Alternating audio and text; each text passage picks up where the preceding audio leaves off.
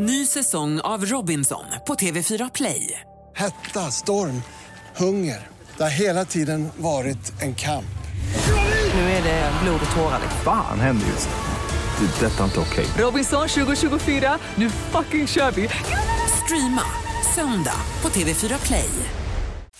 Hej, jag heter Gry Forssell och du lyssnar inte på radiostationen Mix Megapol. I alla fall inte just nu, för du ska ju precis höra ett nytt avsnitt av Mord mot mord. Men först vill ju vi säga hej. Hej, hej, det här är NyhetsJonas. Det här är Carolina Widerström. Och här är Gullige Dansken. Ja, och så Gry då, då. Det vi vill säga är att när du har lyssnat klart på den här podden, då får du gärna lyssna på våran. Vi spelar in ett nytt avsnitt varje morgon av våra podd Kvartsamtal. Och hela radioprogrammet blir ju också en podd om man är väldigt morgontrött eller så. Just det, om man missar morgonen ja. Men mest av allt så får du gärna lyssna på programmet i direktsändning varje morgon på Mix Megapol. Live varje morgon från klockan sex och då har vi med oss massor med vänner också. Thomas Bodström, Babben Larsson, Johan Pettersson, Christian Luuk. Massor med coola människor som bara dyker upp och gör livet bättre. Ja, som jag, Gullige Dansken. Exakt så. Och så mycket bra musik och annat skoj såklart. Så vi hörs när du vaknar på Mix Megapol. Podplay.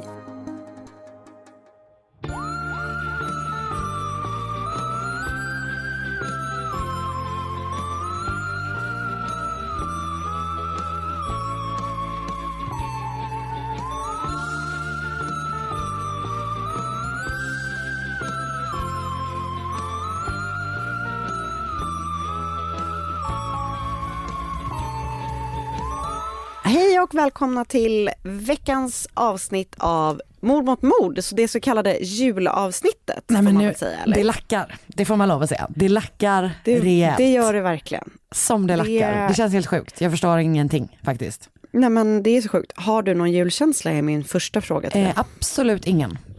Alltså, man har inte det, eller hur? Nej, men vet du varför? Är Anna? det för att man inte det, har julavslutning? Det är...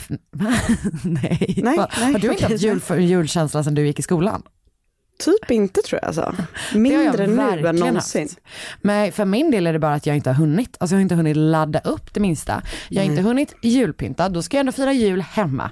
Utan det Mm. har jag bestämt att min, liksom hela min familj kommer och så får de julpynta med mig den 23. För det är första gången jag hinner det. Men det är mysigt. Vi, vet du, när jag växte upp, Ja. då, gjorde vi, då köpte vi gran, vi gjorde Ja. allt sånt där liksom den Precis 23. innan. För mig är det lagom. Jag tycker inte om att ha jul. För, alltså, liksom, det, det, var så, det var verkligen got one in spirit. Ja, vet du vad? Och det är det som jag verkligen har så här, nu har jag ställt om mig i huvudet. Från, fy fan vad stressigt att jag inte hunnit julpynta min dotters första jul, för hon kommer vara så himla brydd med det. Men Mm. alltså du vet, från det till att tänka så här, fy fan vad mysigt att vi ska ses den 23. Ja. Köpa gran, pynta. Underbart ju. Jag ra- raidade min mammas jullådor, alltså plural, tog dit, en, Mm. har liksom packat ihop alla saker jag hade från när jag var liten som hon kommer upp med den 23. Det är min kyrka som spelar Stilla natt. Inga problem. Jag ska göra tomteparad, du fattar. Ja, Så jag hoppas att det kommer, men den är absolut inte där än. Och inte för dig heller. Nej. Nej, alltså min jul, min decemberceremoni har varit följande. Mm. Kolon. Ta upp Sigrid ur sängen på morgonen. Gå till julstjärnan i fönstret. Låta henne trycka på knappen. Öppna min presentkalender.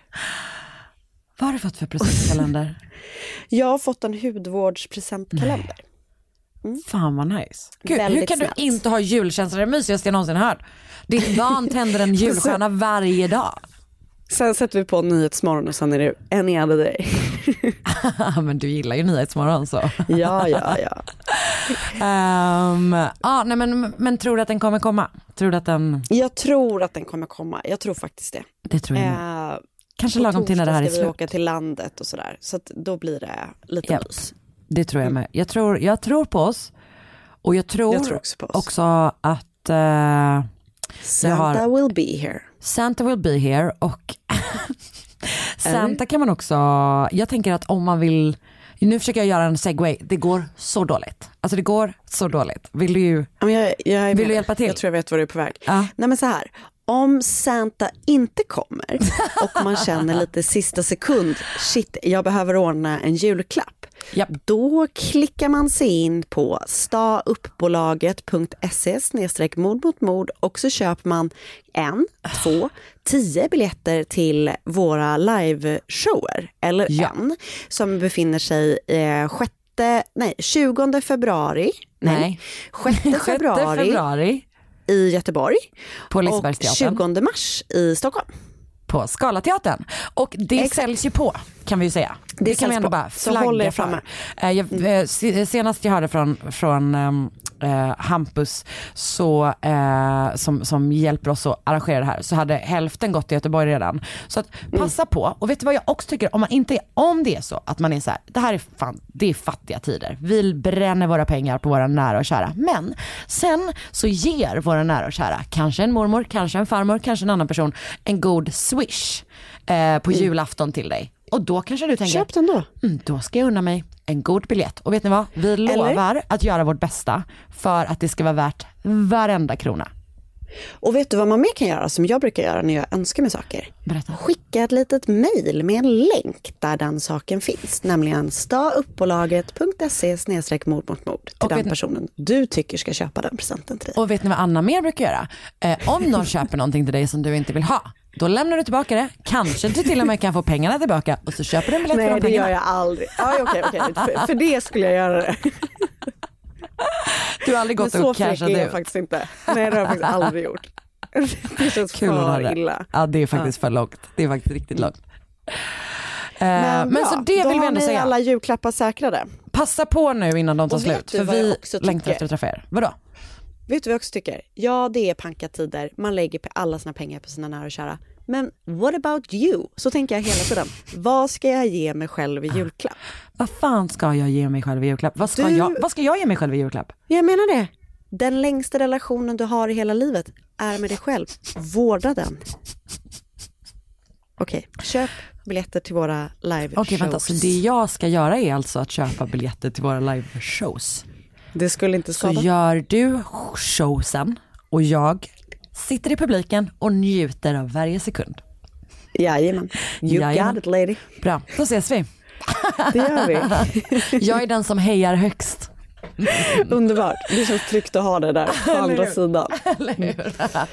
Eh, nej men, Ja, men ska vi eh, genrepa lite i och sätta igång det här avsnittet eller? Jag tycker att vi rakt av gör det. För jag, boy have I got a story for you. Ooh. Ny säsong av Robinson på TV4 Play.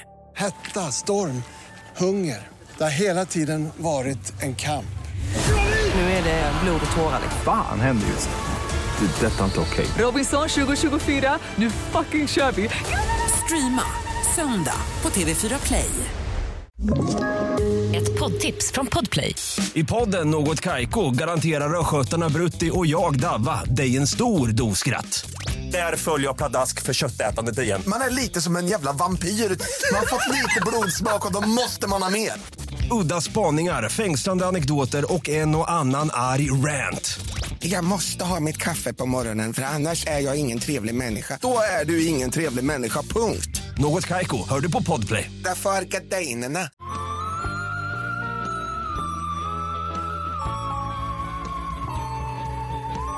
Och det är du som börjar eller? Det är jag som börjar. Gud vad otrevligt det hade varit annars. Alltså jag visste om att det var jag som började, det var därför jag sa så. Jag vill inte, alltså, jag vill inte vara så. Så kan du snälla skynda dig igenom ditt fall. Skynda på. Ja. Nu har är det så att jag har en riktig julhistoria. Eh, och eh, eh, det är så att, eh, apropå jul då, så håller min mammas man på att kolla lite olika eh, storlekar på klänningar som jag har bett honom att kolla eh, parallellt här. Eh, så, nu, jag, så att jag ska köpa rätt storlek. Jag har en, eh, hon lyssnar inte. Om någon lyssnar på det här och känner min Jaha, mamma, till din mamma. säg Okej, inte jag trodde det var till dig. någonting Det här om det här med var- klänningar. Eh, Det här var så förvirrande. Nu, är, Mm. nu börjar jag. jag har redan börjat, skitsamma. Om det är så, jag vet ändå om att det finns ändå de personerna. Jag säger inte att det är någonting vi förespråkar, men det finns de som lyssnar med barn, eller hur? Mm. Jag hoppas att det är små barn som inte förstår någonting. Jag antar det, eller? Det tror jag. Om det är så, att man är, lyssnar med ett barn som fattar någonting överhuvudtaget om typ tomten. Jag kommer liksom beröra tomten i, det här, ehm, i den här eh, Ja, veckan. bra.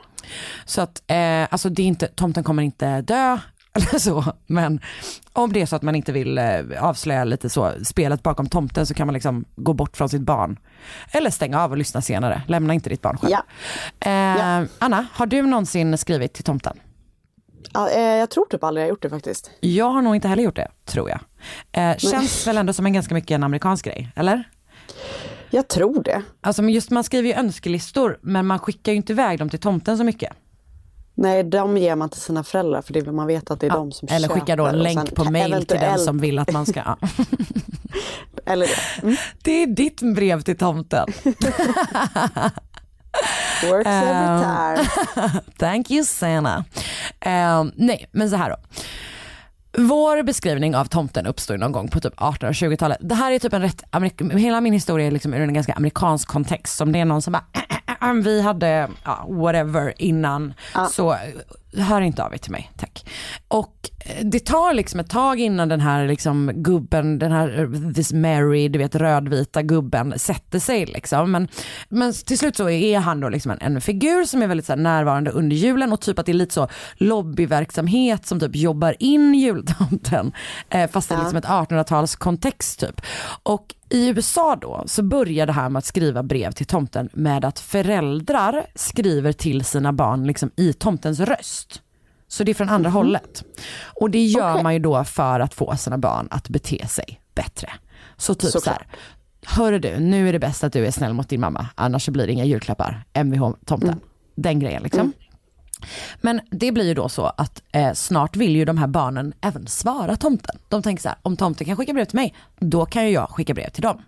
Såklart. Så de börjar skriva egna brev. Och numera så är det ju befäst då att tomtens adress är typ så Nordpolen. Känns ju som att det liksom är standard typ. Men från början var det lite mer att man gissade. Och det chansades på att han kanske bodde bakom månen, på isvägen eller kanske till och med eh, Men- molnstaden. Vad? Men för fråga så, är det verkligen Nordpolen? Han är väl från Finland?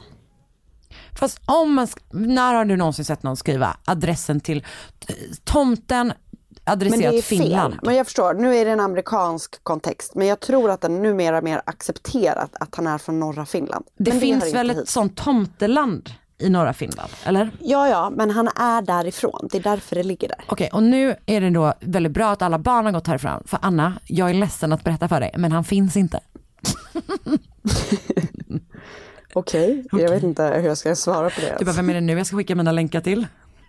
Exakt, jag tror att det heter Kippasjärvi. Ja men jag fattar vad, jag vet, jag vet vad du menar och du har helt rätt. Men i en amerikansk kontext Ja, ja, ja, kan vi ändå säga Nordpolen, eller hur? okej, Jag backar, jag backar. Ehm, du, är du anställd av Finland eller vad är grejen? Och, och jag vet inte om det är Kippasjärvi, för nu när jag gjorde, googlade var det ligger så ligger det i Sverige. Så jag, drar, jag tar tillbaka allt jag Vi tar sagt. tillbaka allt och eh, även jag tar lite tillbaka till. det här om att tomten inte finns. Bra. Ja. Eh, man har i alla fall någon slags idé om att tomten kanske så finns lite grann uppe i himlen vid den här tiden. Eh, det här är alltså typ då sent 1800-tal typ. Så ibland ställer man breven på spiselkransen med någon slags idé om att röken då ska liksom föra upp breven till himlen. Jag vet inte om det här hänger ihop också då med att han kanske ska komma in där igenom. Oklart, hur som helst. Eh, men när liksom postsystemet blir mer och mer utvecklat så börjar barn då, amerikanska barn, lägga sina brev till tomten i brevlådan. Och i början av 1900-talet så blir liksom det standard typ. Och det gör då att det kommer in helt sjuka mängder brev till tomten. Men då har man ett problem. Det är olagligt att ge post adresserad till en person till en annan person. Så det gör att tomtebreven hamnar på the dead letter office, vilket är jätte, låter så himla hemskt. Verkligen. Och där utreder man då var post som inte har en giltig adress hör hemma. Och om det skrivande, liksom det barnet som har skrivit då har skrivit sin adress i brevet så skickas det tillbaka. Eh, och jag menar det är ju fruktansvärt hemskt för att då är det alltså som att tomten inte finns. Då får de väl en sån stämpla att bara return to sender. Det är ju riktigt deprimerande. Men Ja, ännu mer deprimerande är att de breven som inte har, alltså som, där man inte kan hitta avsändaren, de bränns upp i januari. Så det är ju inte toppen för julkänslan. Och det blir då, alltså att man gör så blir då lite av en PR-mardröm för det amerikanska postverket. Och i takt med att julen blir liksom en allt större och allt mer publik och mer befäst högtid så blir den kritiken allt starkare och typ media gör en ganska stor grej av det. Eh, I början så börjar man typ, man delar typ ut brev till media så att de kan typ publicera vissa brev. Eh, vilket också känns helt hemskt för att tänk om det barnet ser det och bara ursäkta jag skrev till tomten typ varför har den här tidningen fått tag på min post? Men, men, och så har man typ tävlingar om vem som har skickat så här, det gulligaste brevet typ. Men den här liksom kritiken då blir allt starkare och man försöker liksom lösa det här problemet internt några gånger men det blir inte toppen. Så 1911 gör man en ändring i lagen. Brev adresserade till, San- eh, till Santa Claus får delas ut till välgörenhets- välgörenhetsorganisationer som i sin tur kan dela ut julklappar till barnen som skrivit dem. Men det gäller då bara om det uttryckligen står Santa Claus. Om man har typ skojat till det med ett gott S-Claus eh, så går det inte för att det finns liksom Mhm. människor som har förnamn som börjar på S och efternamn, efternamnet Claus. Damn it. Eh, ja. Eh, men 1911 då så förändras det här och runt om i hela USA så börjar välgörenhetsorganisationer ta på sig det här uppdraget. Överallt förutom i New York, vilket New York känns ju väldigt juligt. Alltså det känns liksom som en Verkligen. julestad. Men det blir en julestad ungefär samtidigt som det här, det hände typ på 1910-talet. Så 1912 så tänder man för första gången du vet den här jättestora granen som man har. Numera står den på Rockefeller Center. Första året så stod den i eh, Madison Square Park. Så att man börjar liksom porträttera New York som så här ett julepicentrum. Men det är alltså ingen som vill ta sig an stans tomtebrev förrän året efter, 1913. Den 8 december. För då får New Yorks postmästare mästare ett samtal från en man som har en idé. Han heter John Duval Gluck Jr och han kommer snart bli tomtens egen sekreterare. Är du, är du spänd? Okej. Är du spänd på den här ja, historien? Ja, verkligen. verkligen. Jag vet inte alls vart det barkar. Nej, eller hur? Visst är det härligt? John DeVal Gluck Jr. är, han föddes på juldagen 1878 som den äldsta av fem bröder i Brooklyn. Men han växer upp i Westfield, New Jersey. Och hans pappa har en custom brokerage business. Vilket väl inte finns i en svensk kontext tror jag. Eh, för att vi har väl liksom det, men jag antar att det är någon slags privatiserad tulllösning, att man hjälper folk att importera saker, skulle jag tro. Ehm, Jag vet inte. och ehm, ja, men så han jobbar, hans pappa har det och när hans pappa dör, så, eller går i pension, så tar John över den verksamheten. Där kommer han i kontakt med en del framstående personer, eh, antagligen då för att de importerar saker till USA. Och det passar honom utmärkt för John älskar glitz and glam. Och han Vem vill ha ut, verkligen, han vill ha ut mer av livet än att jobba med tullande. Även det Mm. kan man relatera till. Verkligen. Och han försöker sig på lite olika saker och här blir det kanske svårare att relatera.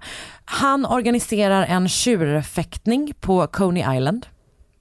Ah, that's Men kravet då för att han ska få genomföra det här är att det inte får liksom uppstå något blodvite. Man får alltså inte plåga tjuren för att den ska bli tokig men den får heller liksom inte attackera någon. Problemet är då att tjuren sliter sig och springer rakt ut i publiken. Så allt går åt helvete. Nej. Blodvite uppstår och jag är lite osäker på om det är tjuren eller John som grips. Men någon av dem grips för att de har brutit mot den här regeln. Jag hoppas Ah, att det är shit. tjuren. Fan, Också vilken inte så hemskt. Ja jag vet. Fruktansvärt. Ah, En sån ofrivillig tjurrusning känns det som. Liksom. Verkligen. Han jobbar också under en period med att försöka marknadsföra så kallade baby cages i New York. Vet du vad det är? Jaha. Du har Alltså, jag säkert tänker sett att de det här är en bilderna. lekhage. Nej, det hade du. Det är kunde så rakt av en att bur. det var. Eh, det är alltså, jag tror att du, du har säkert sett de här bilderna för det ser helt galet ut. Det man gör är alltså att man sätter som en liten bur ut från sitt fönster. Man bor ju liksom i våningshus i New York, sätter ut en liten bur, så lägger man ut sin bebis där så den får lite solljus. Åh gud vad hemskt. Jag ska skicka en, en bild till dig. Det är verkligen helt Fy fan, vad jävla absurt. Och jag vet inte riktigt hur han kommer in på det. John har inga egna barn. Ser du bilden? Men usch vilken panik. Ja, det är inte toppen. Det är det inte. Men han har inga egna barn, men han, jag vet inte hur han kommer in på det, men han får i alla fall för sig att göra det. Eh, och eh, det, går väl inte, inte superbra, superbra sådär liksom. Så att han, men han har haft någon slags lycka där han har fått lite medieutrymme, han har typ gjort någonting i sitt jobb som har liksom varit så här, lite spännande. Mm. Så att han har då fått lite smak på det, han försöker på sig på lite olika saker, men det går inte så bra. 1913 får han alltså då upp ögonen för en ny möjlighet. Han ska lösa problemet med New Yorks brev till tomten. Ja. Och han berättar då för polismäst eller postmästaren att han vill dra igång en verksamhet som liksom inte är, den är ingen välgörenhetsorganisation, utan den tar bara breven, går igenom dem och skickar dem vidare till människor som i sin tur kan förse barnen med de paket de har önskat sig. Så planen okay. är liksom bara att så här, knyta till sig, ta alla breven, knyta till sig jättemånga jätterika personer, eller vanliga personer också, eh, som har, är då liksom, har pengar och som vill göra något fint vid jul. Ge dem breven så köper de paketen och delar ut till barnen. Mm -hmm. Så planen är liksom att sköta det administrativt helt enkelt. Och postmästaren är nog typ bara glad att någon har tagit på sig den här skiten då. Eh, så utan ja. att liksom så här, kolla upp vem den här personen är eller någonting sånt så, startar, så får han ett ja. Och så startar John The Santa Claus Association. Han är väldigt, väldigt driven. Han skaffar ett kontor bakom en restaurang som jag tror ligger i samma byggnad där hans lägenhet är. Och snart får han liksom massor av press dit och han får massor av volontärer. Både sådana som vill ge bort paket men också sådana som liksom vill volontära mer i Alltså med att typ kolla igenom post och sådär. Så de har ett system för att försäkra sig om att allt går rätt till med de här breven. Och då börjar de att sortera ut alla dubblettbrev liksom som kommer från samma familj eller sådär. Eh, och sen mm. så sorterar de bort alla brev som typ vittnar om så här, barn som inte får någon mat eller blir misshandlade eller andra hemska förhållanden. Och de lämnas då bort till, eh, lämnas över till liksom socialtjänsten. Eh, mm. Och sen tar de bort sådana som bara verkar låtsas vara barn. Men också sådana som, krä, som de tycker liksom krä, verkligen. Kul när du bara skickar över en länk. Men Please även du, give även me du a new nästa. pair of stilettos. Lyssna på den andra kategorin som även, även kanske du kan falla in under. För Yeah. att de sorterar också då bort brev från barn som de inte tycker verkar vara tillräckligt needy, om du förstår.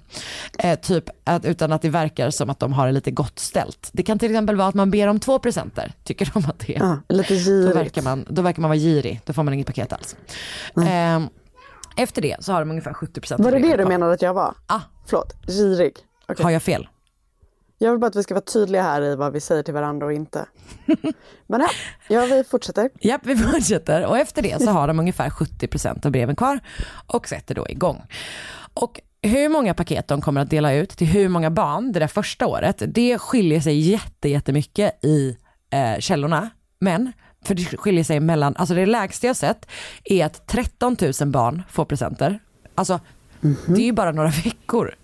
Och det högsta jag sett är 28 000. Så att oavsett så är det ju väldigt, väldigt många. För att han ringer det här samtalet den 8 december och det här är vad de har delat ut den 24 december. Okej. Så jag är ändå typ ganska imponerad av hans liksom, Alltså verkligen. alltså hans förmåga att dra igång något. Drivkraft. Ja, verkligen. Ja. Och han får då som sagt hjälp från massor av volontärer. Men problemet är att folk börjar skicka julklappar till The Santa Claus Association istället för direkt till barnen som ska få dem. Och det blir då problem. För vem ska då leverera de här julklapparna till de Just barnen det. som behöver dem? Och hjälpen kommer från The American Boy Scout Organization. Ja. Icke att blanda ihop med de mycket mer kända Boy Scouts of America. De här grupperna är väldigt lika på många sätt. Alltså de är bland annat båda två startade av tidningsmoguler och du vet ska ju så här, ja, du vet ju vad scouter ska göra. Eh, Men The American Boy Scouts, som alltså var de som John skulle få hjälp av, startades, alltså var typ, de härmade Boy Scouts of America. Så de kommer efteråt.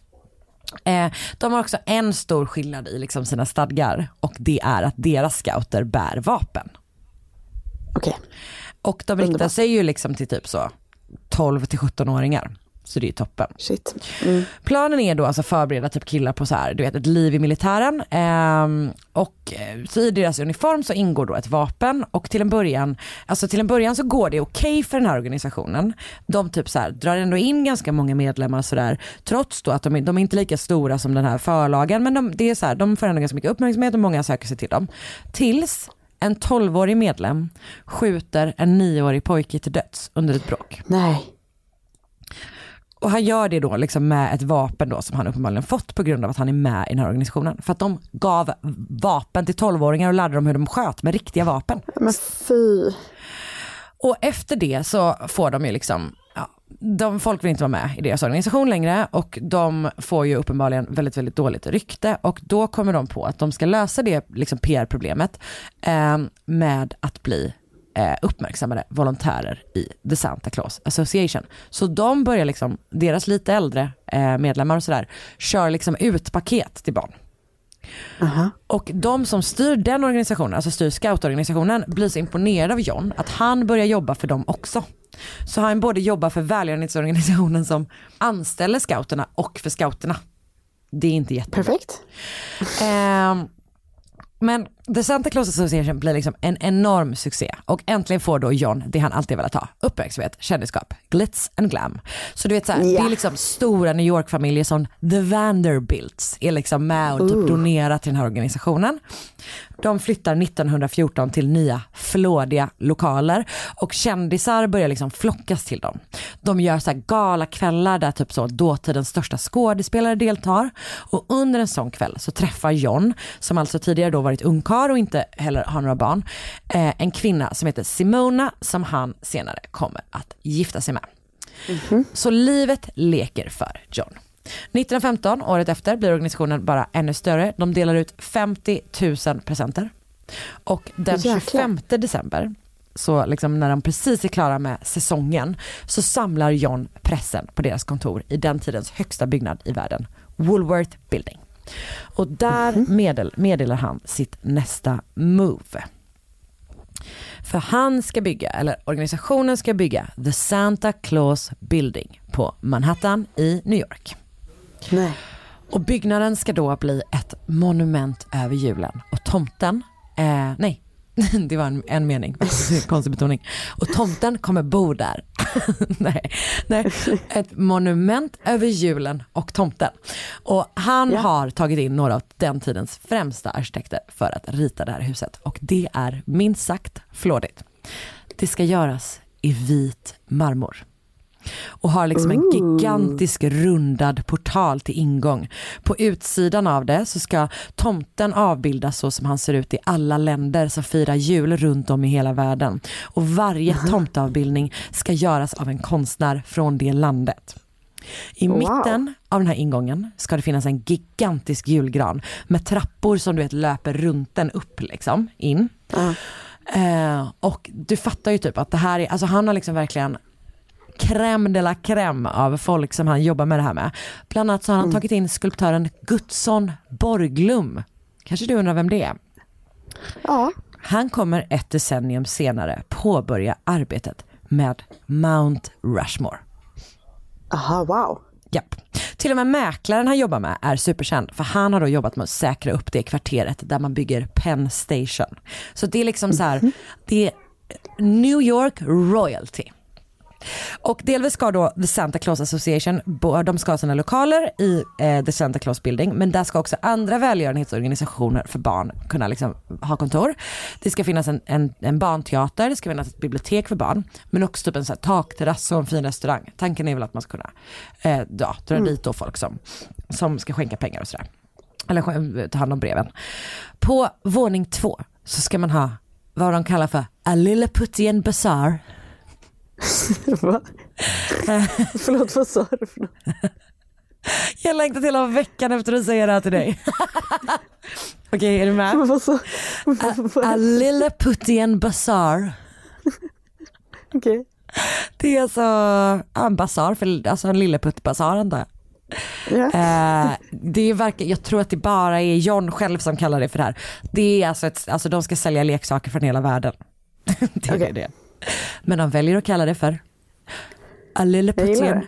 Bazaar. Och det ska helt enkelt vara en otrolig plats för Christmas cheer and Christmas spirit.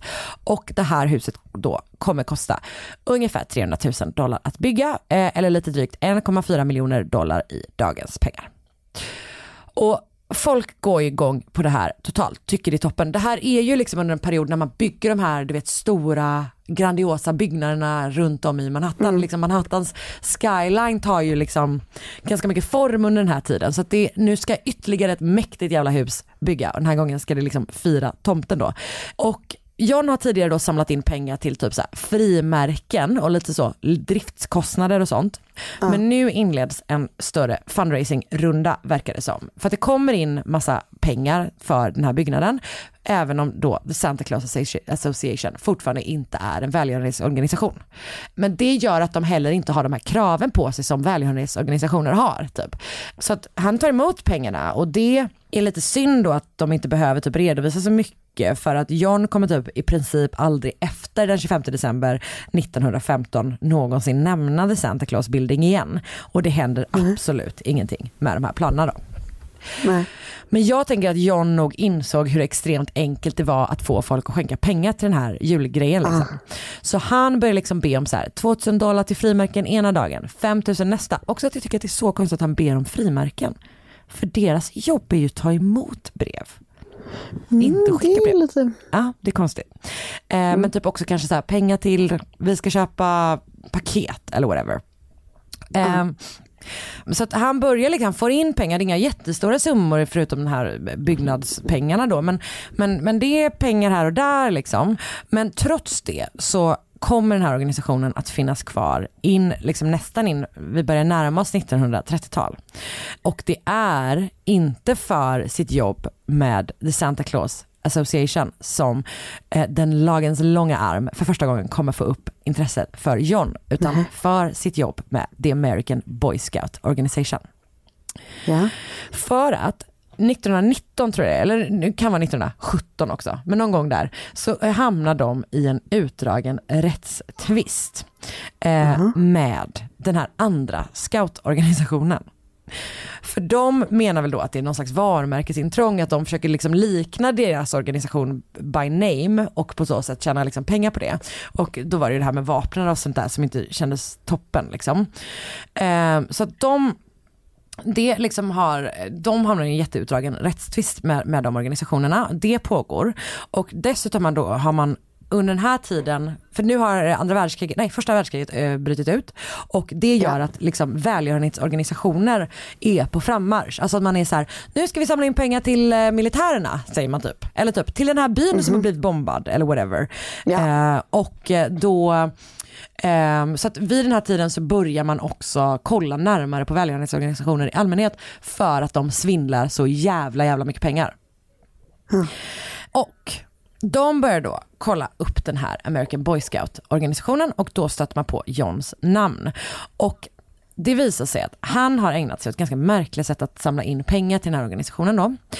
Han har delvis typ så här lurat till sig pengar på lite olika sätt. Men han har också lite grann hotat till sig pengar kan man säga.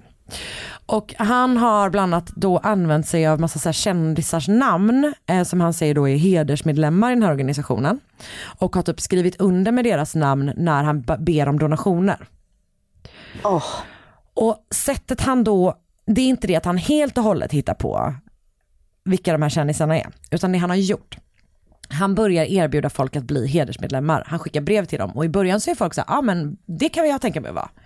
Eh, och då han bara, skriver han under med dem, toppen liksom, får draghjälp. Men han, blir, han börjar ta sig friheter kan man säga för att han börjar skicka brev, folk så här, vill ni bli hedersmedlemmar? Och så länge de inte uttryckligen säger nej så bestämmer han att de är det. Ja, perfekt. Um, och sen så börjar han också, eh, du vet, tysk, liksom, ehm, man blir ju allt mer liksom, kritisk till tyskarna under den här perioden uppenbarligen eftersom första världskriget pågår. Och han börjar också då höra av sig till olika så, eh, lite så tyskrelaterade organisationer och hintar om att de kanske typ uppfattas lite så anti-American under den här krigstiden. Och att det skulle kanske kunna se bra ut om de skänkte pengar till till exempel amerikanska scouter. Så att han, det är lite grann så att han hotar dem kan man säga. Men typ också, ja sådär. Eh, och han gör detta då trots att John själv under en period utreds för spion, spioneri för just Tyskland. För att folk tycker att han beter sig, det verkar som att man utreder lite lite åt alla håll och kanter här men folk tycker att han beter sig konstigt och dessutom så påstår han ofta att han tillhör den amerikanska Secret Service och det tycker folk är Perfekt. också lite konstigt. Ehm, men det, så att den här liksom organisationen då, de, de, eh, de får allt större problem och eh, det här blir också, den här liksom kampen mot den här andra scoutorganisationen liksom tar sig uttryck i pressen. Så till slut bestämmer sig eh, då de för att lägga ner, eller för att settle out of court, the American Boy Scout Organization. Ja. Det de måste göra då för att settle out of court är att de måste lova att inte använda varken scout eller scouting i sitt namn. De inser snart att det gör det svårt att driva en scoutorganisation. Verkligen. Så de måste lägga ner. Så de finns inte längre. Så det blir liksom allt större tryck på John. Den här scoutorganisationen tvingas lägga ner. De börjar kolla på honom, tycker att han gör konstiga saker. Han misstänks vara spion. Det går inte toppen. Och han bestämmer sig då för att göra sin fru Simona till chef för The Santa Claus Association. Simona är då 22 år gammal, har precis slutat i college och det är inte att säga att man inte liksom, eh, kan göra jättebra grejer då. Men folk tycker att det är lite konstigt att hon inte har någon erfarenhet och är så ung och han är så här, nu är min fru, nu är min fru chef typ. Det får då de som så har ordinerat och volontärat typ dra sig tillbaka från The Santa Claus Association. Och det börjar liksom gå ut för, för den här organisationen. Och Simona kommer dessutom 1919 att dumpa John och flytta, säga upp sig från det här jobbet, flytta till Kalifornien och bli skådis. Och efter det så verkar det som att John typ tappar lite grann intresset för sin tomtorganisation Så han, först försöker han sälja den till eh, eh, vad heter de, Frälsningsarmén. Men de vill gärna inte ha den. De säger så här, nej tack det är bra. Så istället så kommer en man som heter Samuel Brill som verkar, eh, vars eh, liksom, grej verkar vara att pusha eh, att man ska konsumera väldigt mycket under jul. Så han har liksom ett litet intresse i det här. Han tar över ett tag och John drar sig tillbaka och börjar jobba på någon tidning. Men 1922 är han tillbaka igen och liksom gör sig då redo att relansera. Och han gör det med, du vet, grand på det största sätt han kan komma på. Douglas Fairbanks eh, är med och jobbar med att liksom pusha ut Santa Claus Association. Det går liksom väldigt bra. 1923 så har de nyårsfest på The Waldorf. De är tillbaka i det här super super glammiga eh, New York royalty-världen liksom. Men som sagt då så har det pågått en ganska så här utbredd liksom crackdown på välgörenhetsorganisationer i USA sedan första världskriget. Och 1927 har den till slut kommit till The Santa Claus Association. Och det gör man bland annat då för att John begår ett misstag. Han har ju alltid sagt att det är ingen välgörenhetsorganisation. Så att ni behöver liksom inte ens kolla på oss. Bara titta bort typ så håller vi på och delar ut lite paket här med lite sådana eh, pistolscouter typ. Eh, men det här i slutet av, eller efter 1925 så börjar han skicka ut brev där han ber om donationer. Och då inser liksom de som eh, enheten, eh, chefen för public welfare, welfare eh, att så här, det här är min chans att liksom sätta dit de här personerna. Så 1927 så börjar han utreda eh, The Santa Claus Association och John vill först inte samarbeta alls. När han till slut delar med sig av någonting överhuvudtaget så är det typ en väldigt, väldigt friserad liksom, del av eh, böckerna som han också samtidigt lämnar över till pressen. Vilket inte gör den här chefen särskilt glad. Och dessutom så hjälper inte det att de har friserat papperna för att det är liksom ändå så himla himla mycket konstiga, konstigheter. För till slut kan man då konstatera att det saknas liksom, eh, alltså du vet, tiotusentals dollar i donationer har plötsligt bara försvunnit från ett år till ett annat. Och nästan alla pengar som har samlats in för att bygga The Santa Claus Building har gått rakt ner i Johns ficka. Han har också tagit nästan allt som samlats in för att köpa presenter och frimärken och allt det där. Och han har helt enkelt liksom roffat åt sig rejält på alla sätt han har kunnat. Har, han, har han stulit av tomten? Kanske. Har han stulit av New Yorks barn? Kanske lite med. Ehm, men så Vad har han gjort för pengarna? men jag tror att han har levt Bara ett jävligt levt, gott liv. Ja, alltså att han har haft det härligt och han har liksom, han har haft, han har levt ett glammigt New York-liv och det var liksom det han Ja, ville. det kostar. Han ville liksom vara i smeten på något sätt sådär. Jag fattar. Ehm, och efter det här då så, jo men samtidigt så har de det här problemet att de kommer liksom inte åt dem riktigt. Det är jättekonstigt det här, men han har alltid, han, jag antar att han inte har registrerad som välgörenhetsorganisation, hur ska det funka Nej. typ? Så att de, de vet liksom inte hur de ska få stopp på det. Så till slut så kommer de på det. Det som de måste göra är att se till att de inte längre får några brev. Ja. Så 15 år efter att de väl satte igång eh, den här organisationen så för, slutar postverket i New York sitt samarbete med The Santa Claus Association. Och det gör att återigen kommer breven från barnen till jultomten under en period att hamna på kontoret för Dead Letters. Men snart kommer posten istället starta sin egen organisation under namnet Operation Santa Claus. Shit. John Duval Gluck kommer sjukt nog aldrig åtalas för sin skit. Utan han lämnar New York. Lite osäker på om han gifter om sig för det står överallt att han åker till, att han lämnar New York tillsammans med sin fru. Men jag har förstått att hans fru har skilt sig från dem Så jag vet inte om det är en ny fru, kanske. Men hur som helst så eh, lämnar han New York när man har stängt igen hans tomteverkstad och flyttar till Miami. Där han jobbar som mäklare och eh, bor tills han dör 1951, 73 år gammal. Shit. Jag kan tänka mig att han hade ett ganska glammigt liv som mäklare i Miami också. Ja, det var nog inte helt fel det heller. Plus att så här, alltså som sagt, han kan ändå jobba. Han kunde, fuck, alltså han, han kunde hassla, det får vi ändå ge honom. Ja. Men, och jag tänker att jag tror inte heller att det liksom från början var bara så att han ville åt pengarna utan jag tror att han liksom ändå såg en möjlighet att så här, absolut få uppmärksamhet och hela den grejen. Men det var ju också, alltså han gjorde ju ett väldigt bra jobb, det får vi ändå honom. Ja. Och jag har då lyssnat på podden Christmas Past som alltså gör eh, avsnitt om olika jultraditioner verkar det som. Eh, de har en, en serie i sex avsnitt om det här.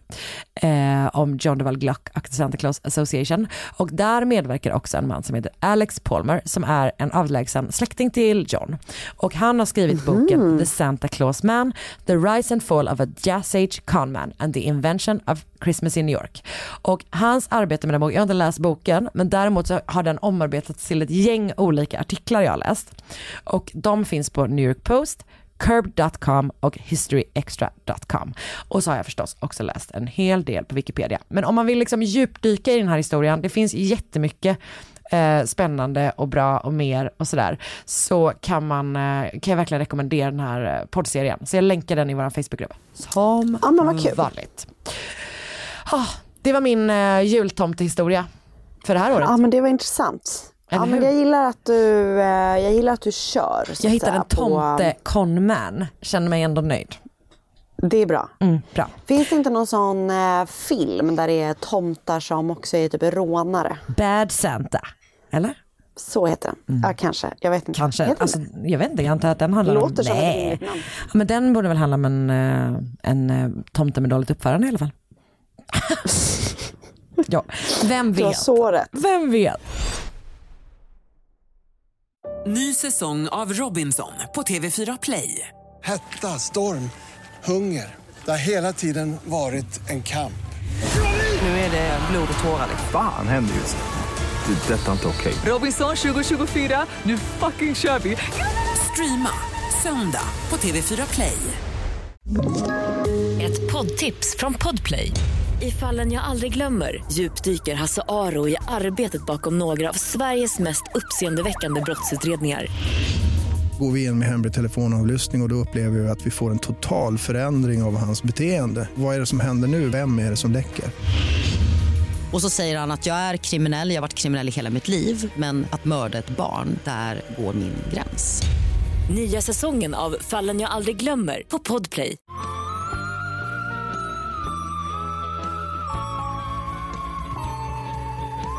Så jag vill eh, inleda med att säga att eh, som det kan vara ibland när man ska göra fall i den här podden så är det väldigt många källor som säger liksom lite så olika saker. Så Mm. att, ehm, i det här fallet har jag liksom valt ett spår. Så att ehm, jag, jag bara säger det liksom.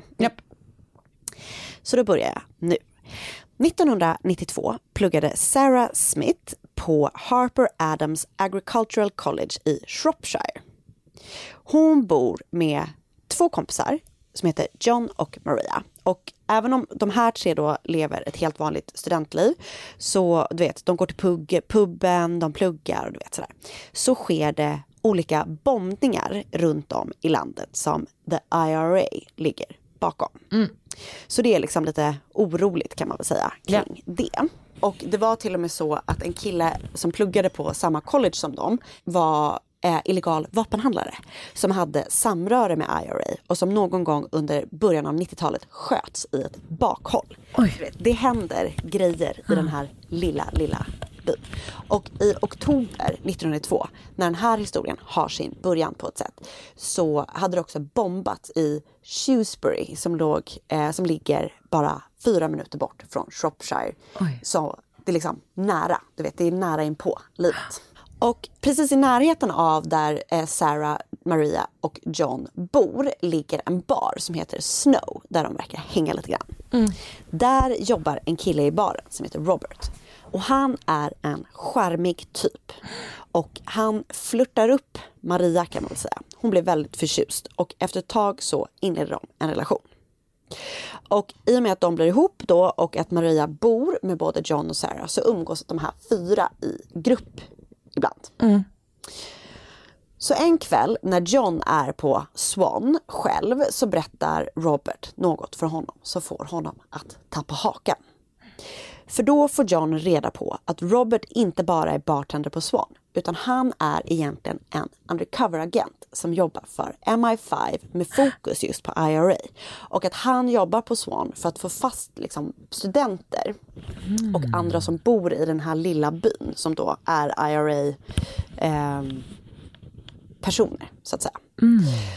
Och han säger så här. Jag skulle verkligen kunna behöva lite hjälp i det här. Eh, men bara så du vet, det här är liksom superhemligt. Så professionell. Bara att veta om och bara att veta om det här är liksom, betyder livsfara. Men John tänker ju då så här, ja men vad fan liksom. Det är väl klart att jag måste göra det här uppdraget för att hjälpa MI5. Så han säger så här, I'm with you. Jag är med dig liksom. Låt oss bring down the IRA together. You and me together Mr Bartender. Så Robert säger då så här, ja toppen. Jag ska börja med att träna upp dig. Och den hela den här träningen då som sen kommer liksom fortsätta med många olika grejer. Men det hela inleds med att han får ett rejält kokstryk. Och det är för att han ska härdas inför de uppgifter som komma skall. Vidare i den här träningen som då ska göra John till en agent för MI5 ingår lite olika uppgifter. Bland annat så tycker Robert att John ska pursua Sarah som ju bor med eh, John. Alltså, det, det enda jag kan tänka på nu är Mulan. Vad jag ska göra män har vi nu. Ja, okej. Den är så stark den scenen. Ja, det den här tänker jag är sämre än det där. Ja. Ja. så han då gör det. Så han, John och Sarah börjar dejta. Men bara några veckor in i Sarah och Johns relation så ber Robert Jo- John att göra ytterligare en grej för att testa hans lojalitet. Som jag förstår som. Han säger åt John att han ska säga till Sarah att John lider av obotlig levercancer. Så han säger det till henne. Och efter att han har berättat det så säger han att han vill, och det här är ju då Robert som har sagt till honom att han ska säga det. Han vill att han, Sarah, Robert och Maria ska åka iväg på en sista resa genom England. Och hon blir ju då såklart chockad att hennes ganska nya pojkvän då är döende. Så hon är bara så här, okej men om det är typ din dying wish så låt oss ge oss iväg på en roadtrip. Så iväg ger sig den här gruppen om fyra ungdomar iväg på en resa genom England. Och de bor på du vet, lite olika så här, billiga vandrarhem, de gör lite så här, bara åker omkring. Men när de har varit borta i två veckor och Sarah tror att de är på väg hem så samlar Robert gruppen och säger att de kan aldrig åka hem igen. Och sittandes på en strand i Bournemouth berättar Robert även för Sarah. Jag vet inte om Maria redan är invigd i de här planerna men Sarah får i alla fall reda på den här stranden i Bournemouth vad Roberts egentliga uppdrag är. Han berättar även för dem att han är undercover-agent för MI5 och att nu har både han och John, som ju då också numera jobbar för MI5, blivit avslöjade. Så de kan inte återvända. Och i och med att Mari- Maria och Sarah eh, nu då är ihop med de här killarna så är de liksom guilty by association. De är också då, alla de här fyra är då liksom blown. Their cover is blown. Yep. De kan inte ge sig tillbaka. Så de blir ju så här rädda såklart. De är eftersökta av IRA numera. Och först är Sarah liksom lite skeptisk. Och han kan inte visa något polislägg. Men det kan man såklart inte när man är undercover-agent. Alltså jag menar, Nej, går James hemlig. Bond runt med ett vanligt polislägg? I don't think so. I don't think so. Så hon får ju bara lita på honom. Vilket hon ju då också gör, för hon blir ju skiträdd. Hennes pojkvän, hennes bästa vän, hennes bästa väns kille som hon också känner. Alla liksom är bara så här, det här är, så här är det nu liksom. Det är skithemskt men det är läskigt och vi får hjälpas åt liksom och hålla oss undan. Och det, det som också gör att hon liksom blir rädd är att han vet massa saker om henne, om hennes familj, om hennes ekonomi. Så hon förstår ju då liksom att han har faktiskt sitter på information om henne som han troligtvis har fått från då MI5 för att då han ska ha leverage på henne. Mm.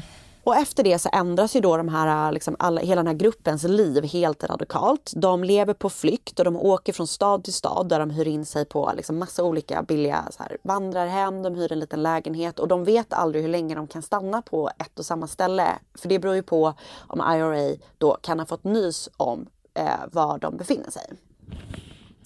Robert säger åt dem att de får inte prata med några andra för de får inte riskera att avslöja sig.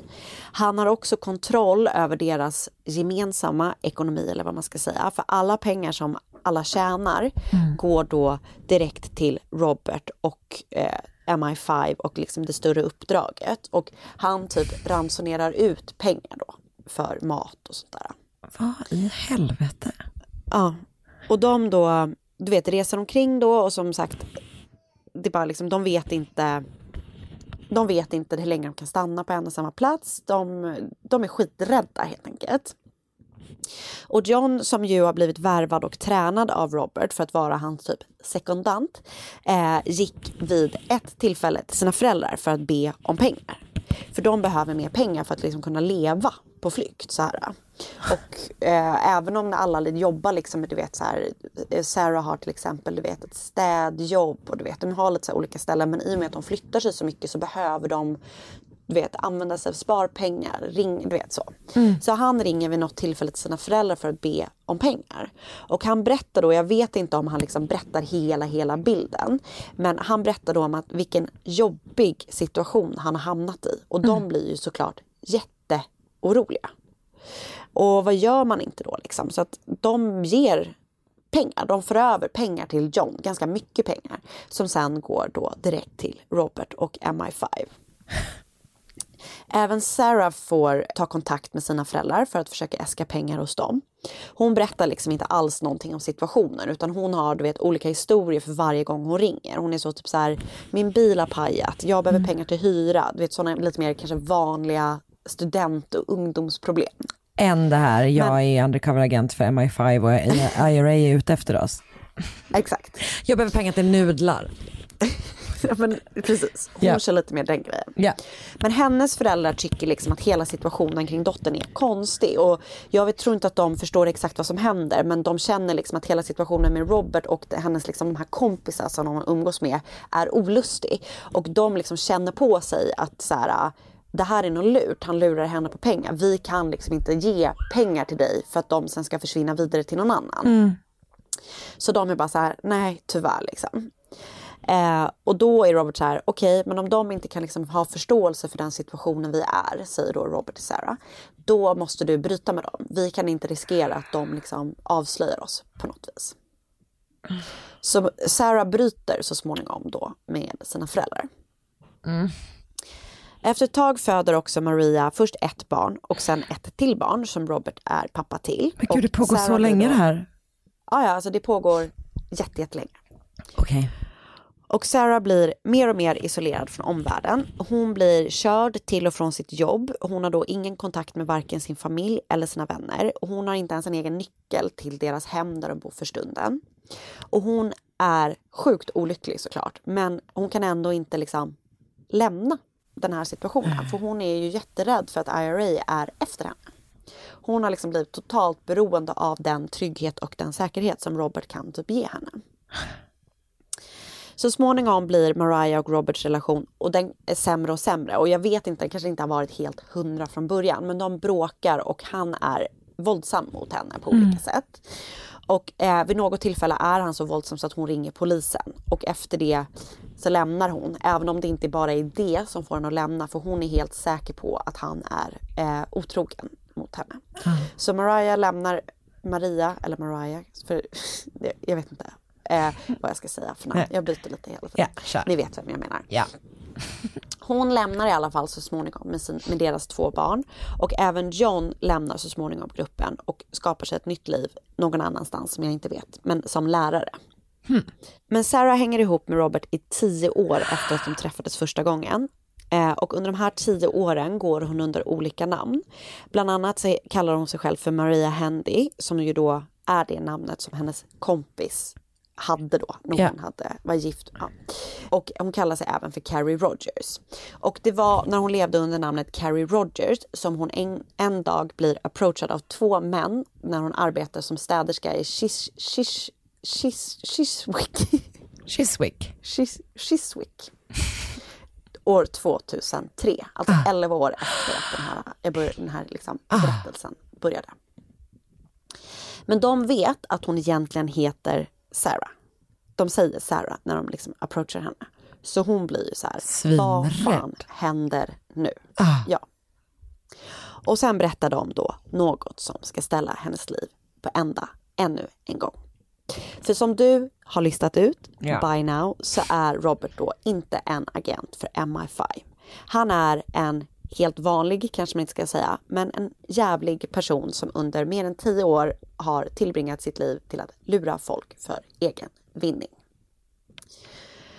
Utöver eh, Sarah, John och Maria så har Robert tydligt varit en väldigt, väldigt bra lögnare och bra på att manipulera folk. Han har lyckats föra sju andra personer som man vet bakom ljuset och totalt har han lyckats tillskansa sig mer än en miljon pund för att köpa sig lyxvaror till sig själv, såsom bilar och du vet sådana saker. Medan hans offer då fick leva som eh, kyrkråttor under hans nåder hela tiden.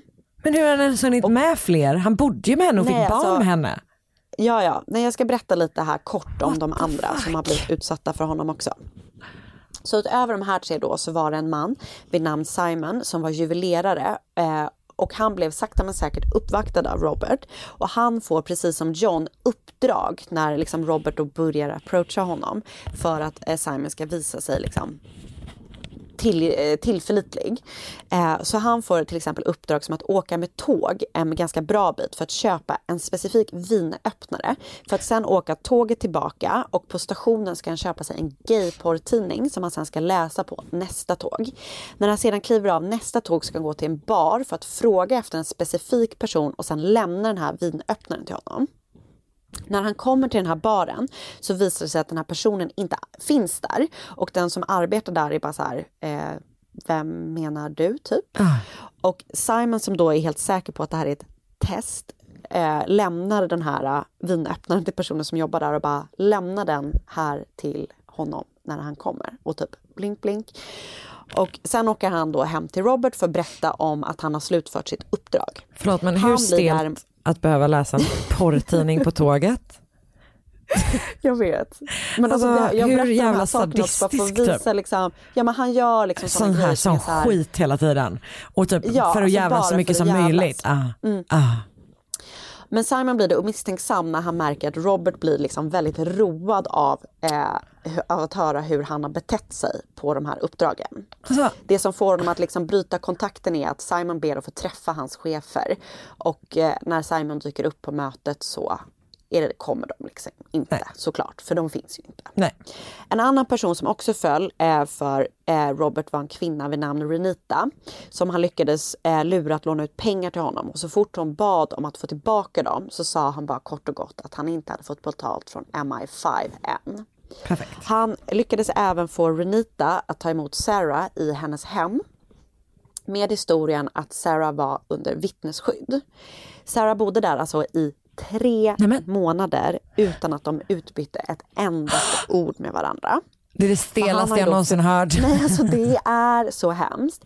Han har ju då förbjudit Sarah att prata med någon och Ah. hon är ju liksom jätterädd och Renita har fått höra att Sarah bara pratar spanska. Så de alltså bor ihop eh, i tre månader utan att prata med varandra. Okej det är hemskt, det är Även hon fruktansvärt. är då liksom, alltså det är så hemskt. Men även hon är då helt såld på hans liksom story och eh, fram tills att hon blir kontaktad av den riktiga polisen. Liksom. Ah. Men hon blev ju liksom inkopplad senare så det är ju inte tio år för henne som det var för Sarah. Men Du det var liksom tre ändå långa månader om inte annat. Alltså verkligen, verkligen. Eh, två andra kvinnor som också blev lurade av honom var Leslie som under sex år betalade mer än 16 000 pund till Robert och som vid ett tillfälle sålde sin egna bil för att hjälpa honom med pengar för att han var i knipa. Elisabeth, som var 22 år gammal när hon träffade Robert jobbade i en bilhandel när han kom in för att provköra en bil. Hon var då nygift men blev totalt förförd av Robert och indragen i hans lögner. Och i hennes fall verkar det ha varit liksom väldigt mycket ett totalt maktspel snarare än att hon bistod honom med pengar. Även om hon under, eller över åtta år gav honom totalt 14 500 pund. Och utöver det så utsatte han henne för så total psykisk tortyr. Du vet, han tvingade henne byta namn, bryta med sin familj. Han tog nakenbilder av henne som han sa att om hon liksom inte löd honom så skulle han visa dem för liksom offentligheten. Han sa åt henne att färga sitt hår, sluta sminka sig. Han förbjöd henne, att använda mensskydd när hon hade sin menstruation. Han lät henne sova på Heathrow flera nätter i sträck. Även på så olika parkbänkar utan skor. Vet, Han vill liksom alltså- bara kontrollera folk och Ja, ja. igång totalt på det. så jävla vidrigt. Han sa att det var en prickskytt som hade span på hennes lägenhet vilket fick henne att leva i, liksom, i totalt mörker och krypa omkring i sin lägenhet i rädsla för att bli skjuten. Och när Robert väl åkte fast så ville hon inte prata med polisen först för att hon tänkte att det var ett test på hennes lojalitet liksom, för MI5. Hon har, han har ju manipulerat alla de här personerna på ett helt sinnessjukt sätt. Ja. Gud. Alltså det är så obehagligt att läsa. Ehm, och en annan kvinna vid namn Kimberly som han lurade att han skulle värva då till MI5 också. Eh, han sa till henne att han hade infiltrerat ett farligt kriminellt nätverk. Och han hotade både henne och hennes son till livet flera gånger och sa att hon var tvungen att genomgå olika tester för att se om hon passade eh, där i MI5. Han sa även att hon behövde gå i en så kallad spionskola. Mm. Tillsammans skulle de bo i en gammal övergiven fyr i Ryssland där de skulle hålla koll på rysk ubåtsverksamhet. Och de skulle vara positionerade där tillsammans i 25 år. Efter ett tag när hon då sa till slut att jag tror inte jag vill det, så sa han att då måste vi betala tillbaka de 80 000 pund som vi redan har förbetalt i hyra för den här fyren. Och Hur dyrt hyr gav en övergiven fyr till Ryssland nu för tiden? det var i och för sig för 25 Och år. Exakt, det var ju precis, det är långtidshyra. Ja. Och hon lyckades då lösa de här pengarna för att hennes pappa, du vet, ringde en släkting som hade vunnit en stor summa pengar på Lotto. och sådär. Så hon liksom gav honom 80 000 bara för att ja, slippa Gud! bo. Ja. Och så till slut då, den kvinnan som fick Robert att så småningom åka fast var en kvin- eller är en kvinna vid namn Caroline och hon arbetade som advokat och hon träffade också Robert när hon skulle köpa en ny bil. Och hon började, eller de började dejta och hon du vet så här verkar ha varit liksom hans provider ett tag, du vet. Tagit med honom, på fina resor och du Mm. vet sådär. Så hon betalar allting för honom samtidigt som han lurar henne på pengar och stjäl liksom stora summor pengar från henne. Och hon blir liksom misstänksam och det här börjar då liksom uppdagas när hon ser att det liksom har försvunnit pengar från hennes konto som han liksom inte riktigt kan redovisa för och sådär. Så till slut då blir eh, riktiga polisen inkopplad och blir en jättestor utredning och till slut kan han då stoppas efter mer än tio år av lögner, manipulation och vad jag vill kalla misshandel av de här offren. Och han döms då 2005 eh, för tio fall av stöld, åtta fall av bedrägeri och två fall av kidnappning.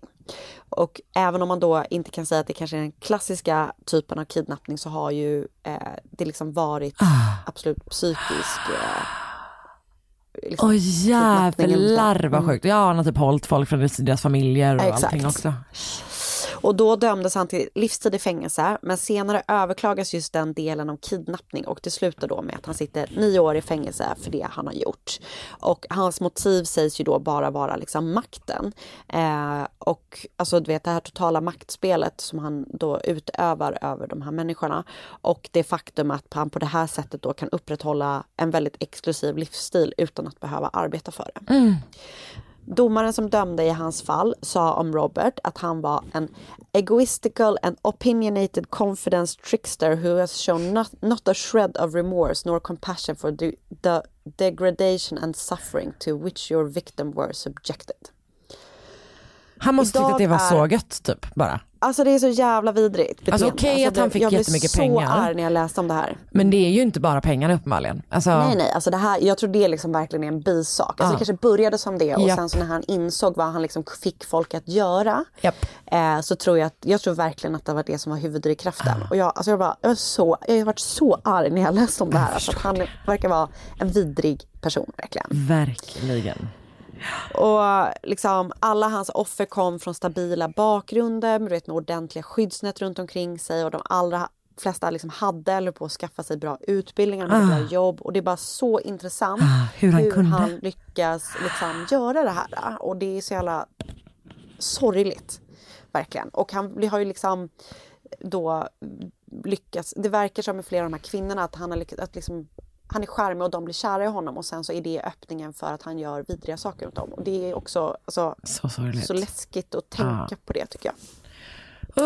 Eh, och så vill jag bara avsluta med ett citat från Sarah Smith då, som levde i hans klor eh, längst av alla hans offer.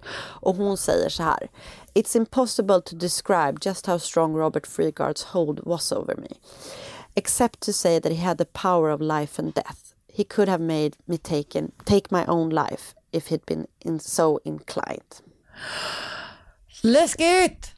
Ja, alltså då verkligen, ja jag vet inte. Jag blev bara så drabbad av det här. Det är så jävla äh, hemskt.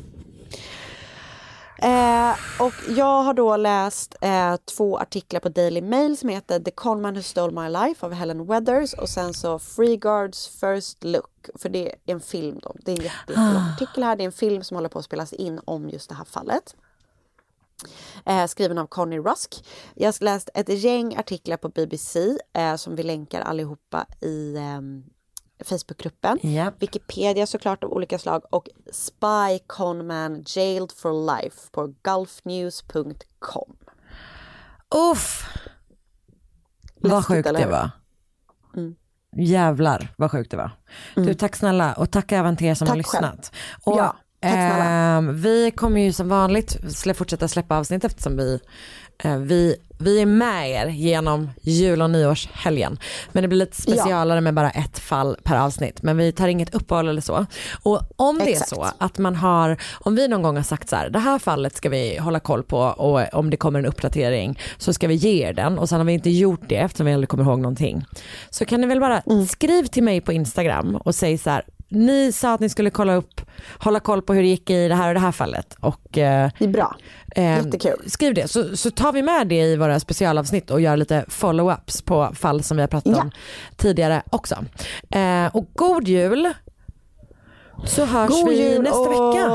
Det gör vi. Hej! Yes. Hej! Ny säsong av Robinson på TV4 Play. Hetta, storm, hunger. Det har hela tiden varit en kamp. Nu är det blod och tårar. Fan händer just nu. Det. är Detta är inte okej. Robinson 2024, nu fucking kör vi! Streama söndag på TV4 Play.